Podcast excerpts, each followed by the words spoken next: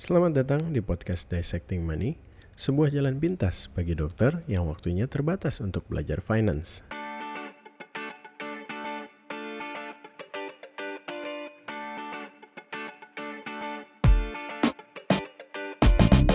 Ini adalah podcast nomor 3 dari Dissecting Money. Namun sebelumnya saya mau ingatkan untuk Anda yang belum pernah lihat blog Dissecting Money, dapat cek dulu di www.dissectingmoney.com. Untuk yang suka follow social media, dapat follow social media saya di @dissectingmoney di baik Twitter maupun Instagram dengan username yang sama. Nah, pada podcast ketiga kali ini, akhirnya kita akan ketemu dengan mentor saya yang merupakan oknum atau orang yang membimbing saya pada saat saya mau mendirikan uh, Dissecting Money itu sendiri. Sebenarnya cukup lucu karena sebelumnya di podcast-podcast sebelumnya saya bicara sendiri dan pada akhirnya saya akan mencoba format interview di podcast nomor 3 ini. Namun justru saya yang bertamu. Jadi kejadiannya ini saya yang menumpang di tempat kerjanya tamu pada uh, podcast kali ini. Tanpa banyak menunda-nunda, kita dengarkan aja langsung. Jadi sudah hadir bersama dengan kita pada kali ini Bapak Ardo Ryan Dwitanto, Sarjana Ekonomi, Master of Science in Management, dan Certified Financial Planner.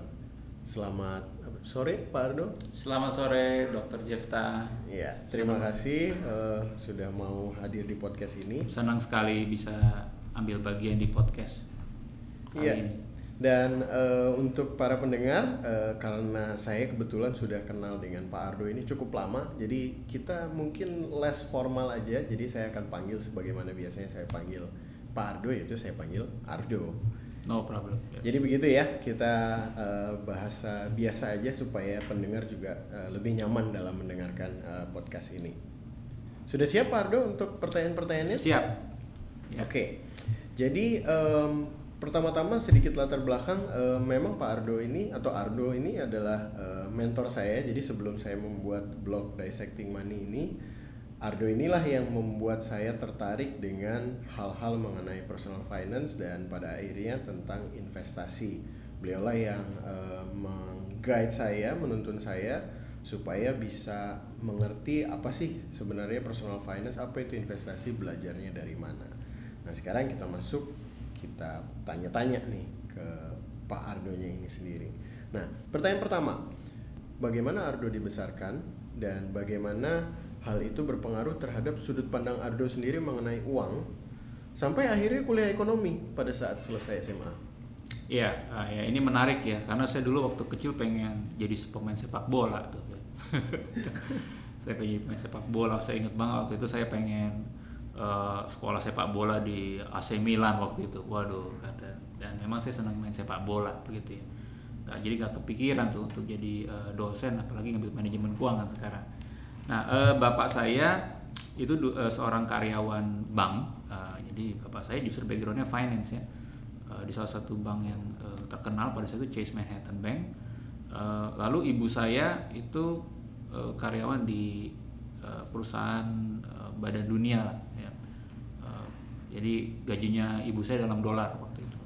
Nah, lalu eh, ayah saya eh, pensiun dini ya pensiun dini sejak itu jadi uh, self employed lah kalau bisa bilang gitu jadi self employed nah um, yang menarik adalah uh, baik bapak dan ibu saya ini sama sekali tidak tidak apa ya tidak menyiapkan lah tidak menyiapkan uh, saya untuk sekolah ya bahkan sampai S2 begitu ya.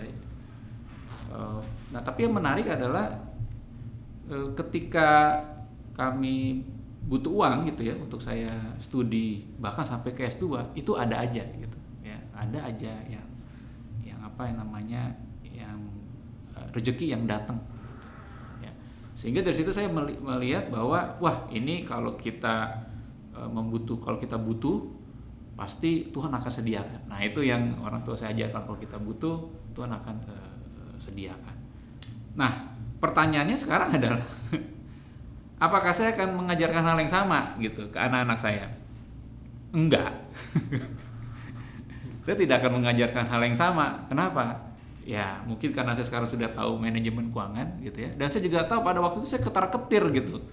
ya setiap kali uh, mau bayaran uang sekolah nih gimana nih ya, ketar ketir gitu jadi seperti hidup itu uh, tanpa uh, perencanaan itu nggak enak gitu ya nah itu yang yang yang apa menjadi pertimbangan saya gitu kenapa bahwa saya tidak akan mengulangi yang orang tua saya lakukan sekarang begitu Oke, jadi satu poin yang menurut saya cukup menarik tadi, uh, Ardo bilang bahwa um, oke okay, dalam hal mendapatkan uang, mendapatkan rezeki karena beriman, karena berdoa itu adalah sesuatu hal yang sangat baik. Iya. Tetapi yeah. alangkah baiknya apabila itu dilakukan bersama-sama dengan perencanaan yang baik, betul ya?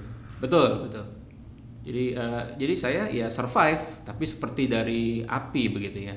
Jadi kalau seandainya direncanakan lebih baik uh, tentu apa namanya dan dikombinasi dengan iman kita kepada Tuhan itu jauh lebih baik begitu. Mari kita lanjut ke pertanyaan yang kedua. Dan ini berhubungan dengan karir dari Ardo sendiri. Ya.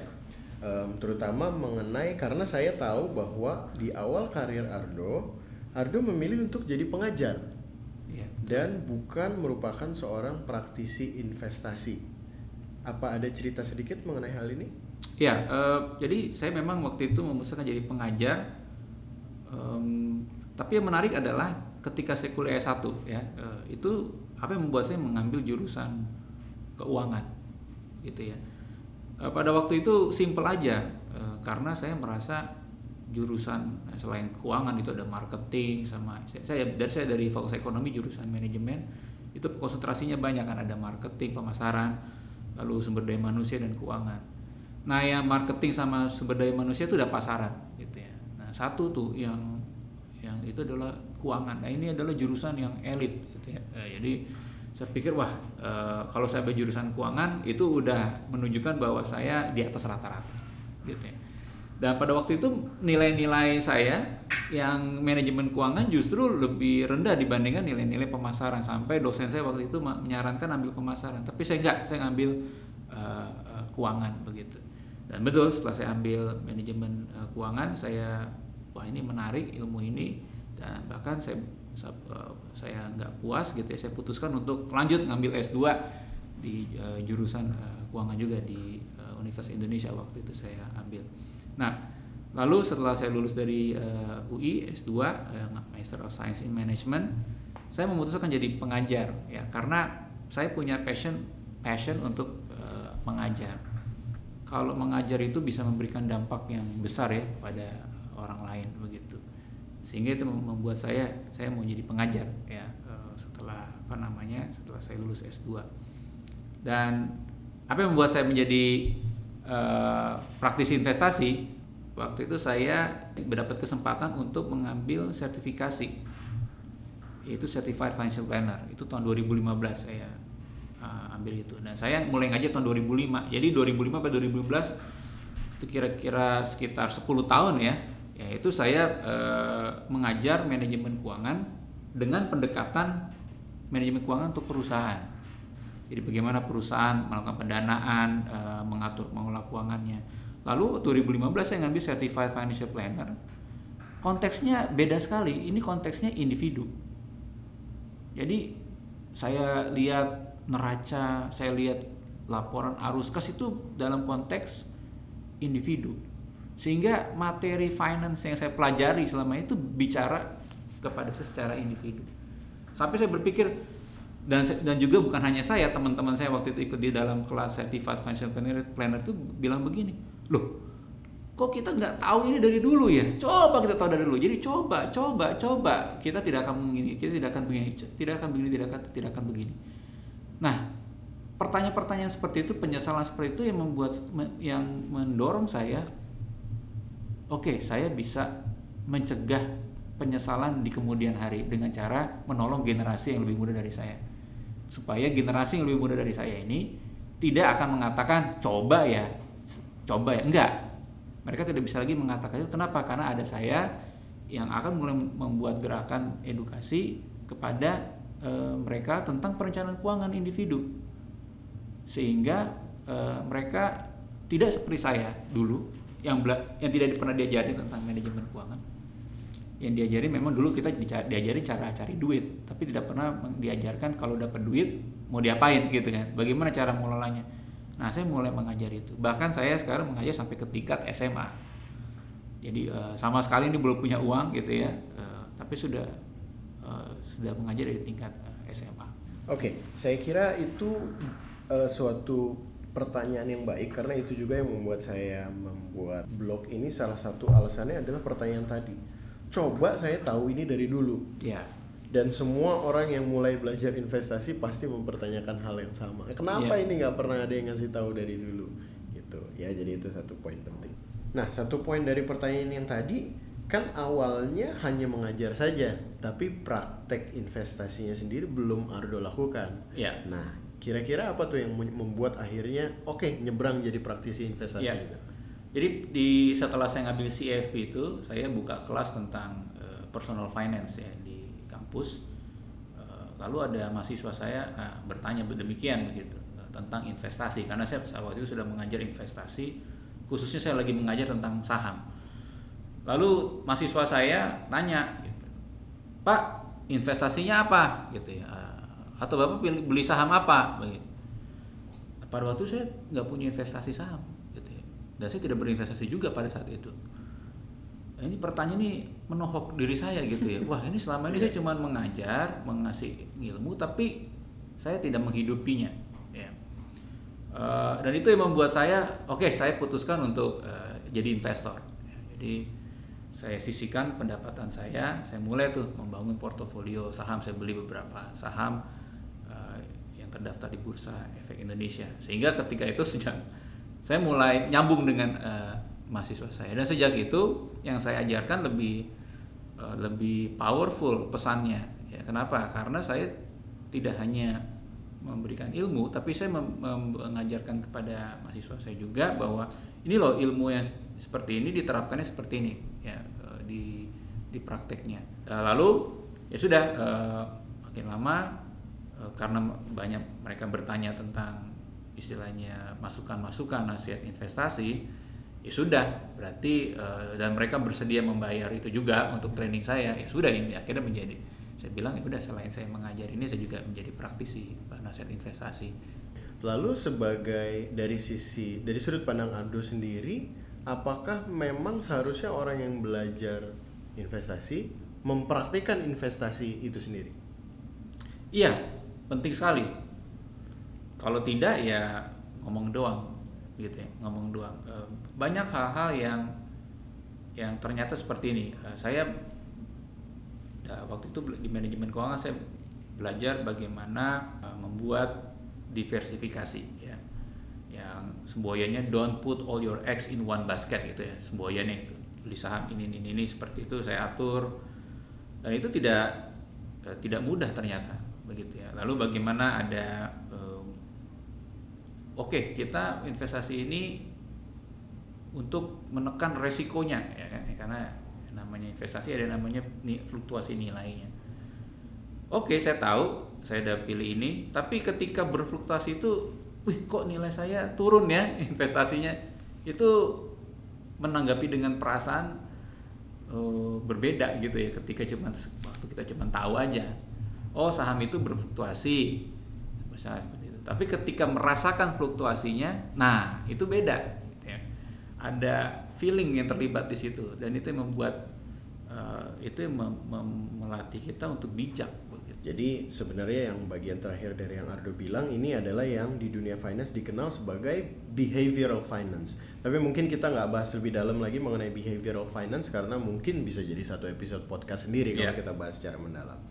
Nah, untuk pertanyaan berikutnya, jadi Ardo dan saya sendiri sudah pernah buat suatu acara mengenai personal finance atau perencanaan keuangan yang spesifik untuk dokter. Acaranya kita namakan Bedah Uang sesuai dengan nama dari Dissecting Money itu sendiri dan harapannya sih ke depannya bisa diadakan acara-acara tersebut lagi. Dari acara tersebut yang mau saya tanyakan adalah apa kira-kira essence atau kesan yang Ardo dapatkan mengenai dokter-dokter di dalam hubungannya dengan investasi dan personal finance itu sendiri.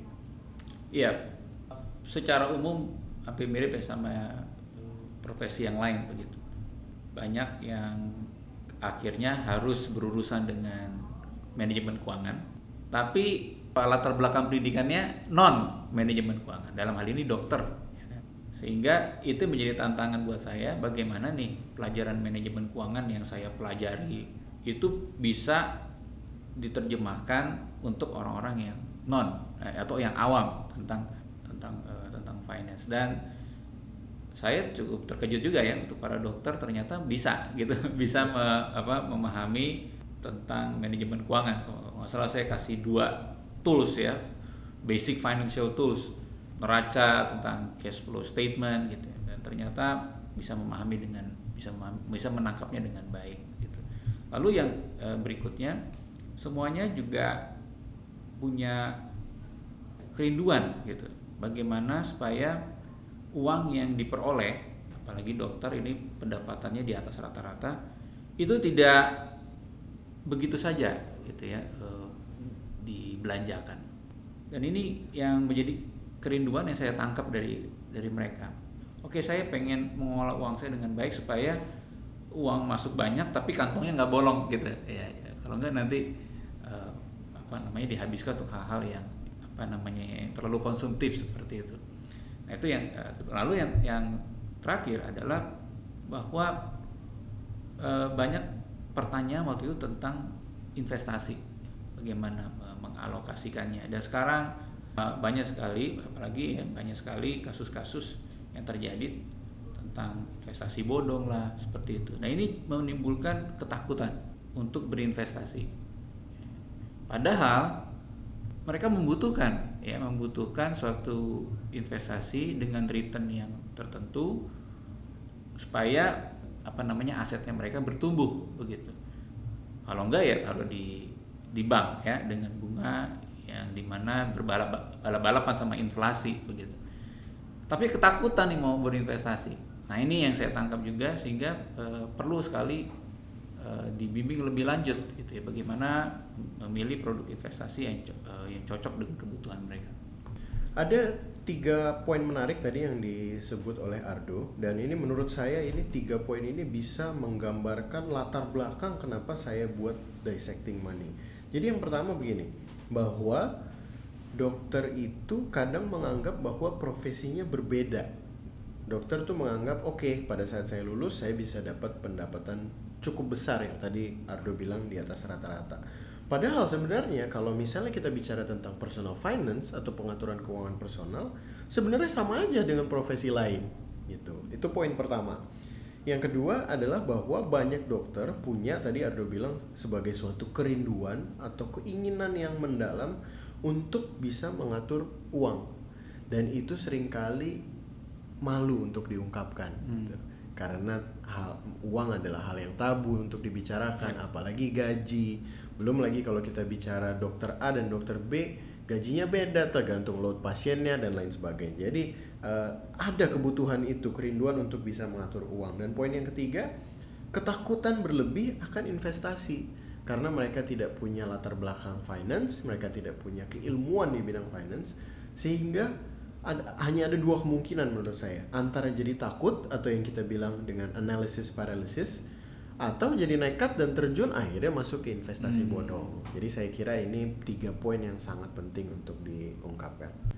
Nah, untuk pertanyaan berikutnya, kan kita sudah mau menyeberang nih. Kita sudah mengorek bahwa dokter itu dalam tanda kutip banyak kan buta investasi.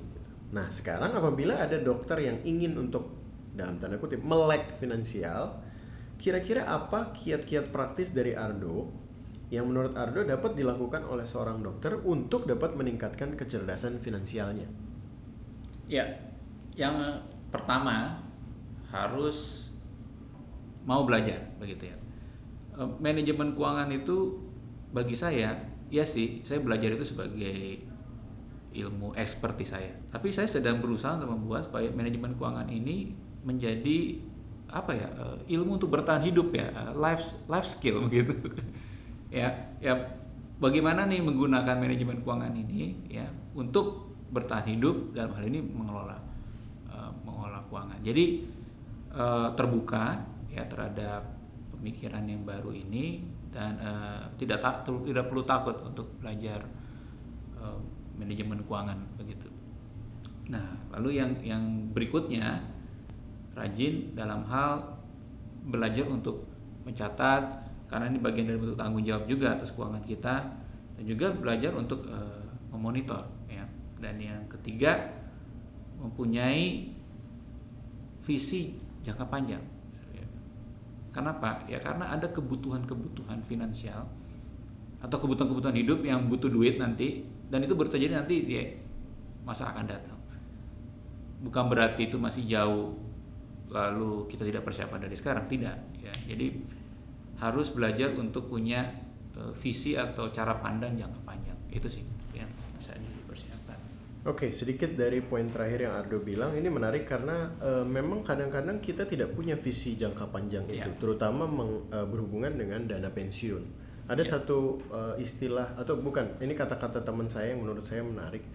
Dia bilang gini, bahwa dokter spesialis itu mengeluarkan uang atau belanja seakan-akan mereka umur 65 masih akan punya pendapatan yang sama yeah. gitu. Jadi mereka Padahal belum pernah ngerasain umur 65 seperti apa ya. Betul, uh. persis. Jadi mereka menganggap pada umur 65 tahun prakteknya masih nah, akan nah, ini ini menarik juga. Gitu. Jadi tidak tidak perlu mungkin ya melakukan survei ya. Uh, dokter usia 65 tahun tuh bagaimana keadaannya? Ya uh, bagaimana uh, struggle-nya ya untuk tetap praktek ya. Pasti kan secara fisik udah melemah. Nah, ini hal-hal yang perlu di perlu di perhatikan. Ya berikutnya adalah pertanyaan terakhir untuk episode kali ini karena saya yakin pasti akan masih banyak episode lain di mana kita bisa tanya-tanya dengan Ardo.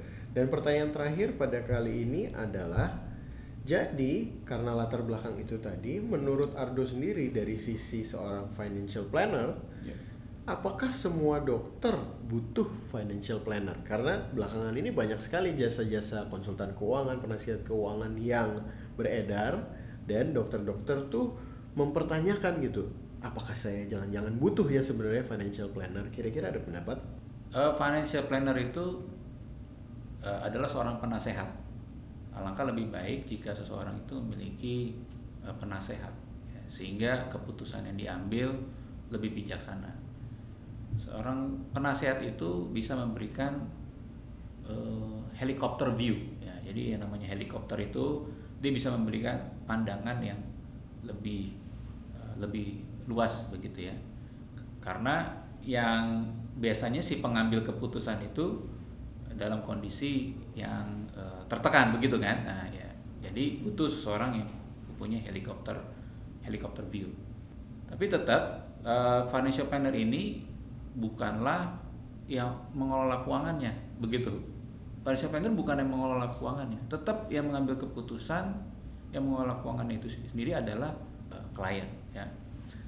Financial planner itu memberikan nasihat, uh, membimbing ya bagaimana seseorang uh, klien itu bisa mengelola keuangannya dengan baik dan juga membantu untuk supaya uh, klien ini memiliki visi jangka panjang terhadap kebutuhan-kebutuhan finansial di, di masa depan.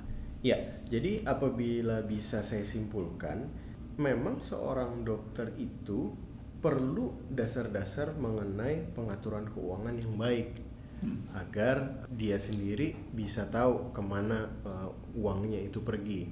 Tapi dalam hal apakah akhirnya suatu saat memutuskan bahwa oke okay, saya sepertinya ada beberapa hal yang tidak saya tahu dan saya harus konsul kepada orang yang lebih mengerti di situlah seorang dokter mungkin memerlukan jasa seorang financial planner. Uh, jangan sampai financial planner ini betul-betul 100% dipercayakan oke okay, silakan atur duit saya gitu.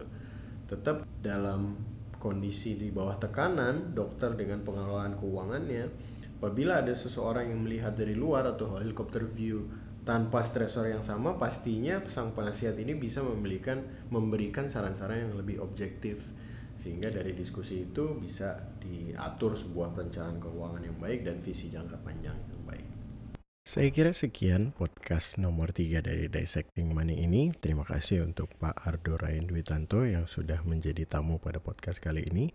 Dan untuk para pendengar, tenang saja karena beliau adalah mentor saya, maka pasti ke depannya akan banyak podcast-podcast yang berisi interview dengan beliau, baik itu membahas dari segi personal finance, budgeting, maupun investasi atau ekonomi secara keseluruhan.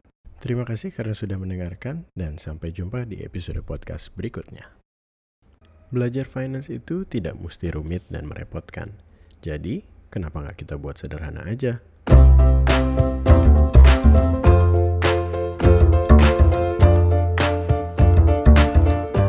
Sedikit disclaimer bahwa saya, Dr. Jefta Tobing, adalah seorang spesialis ortopedi.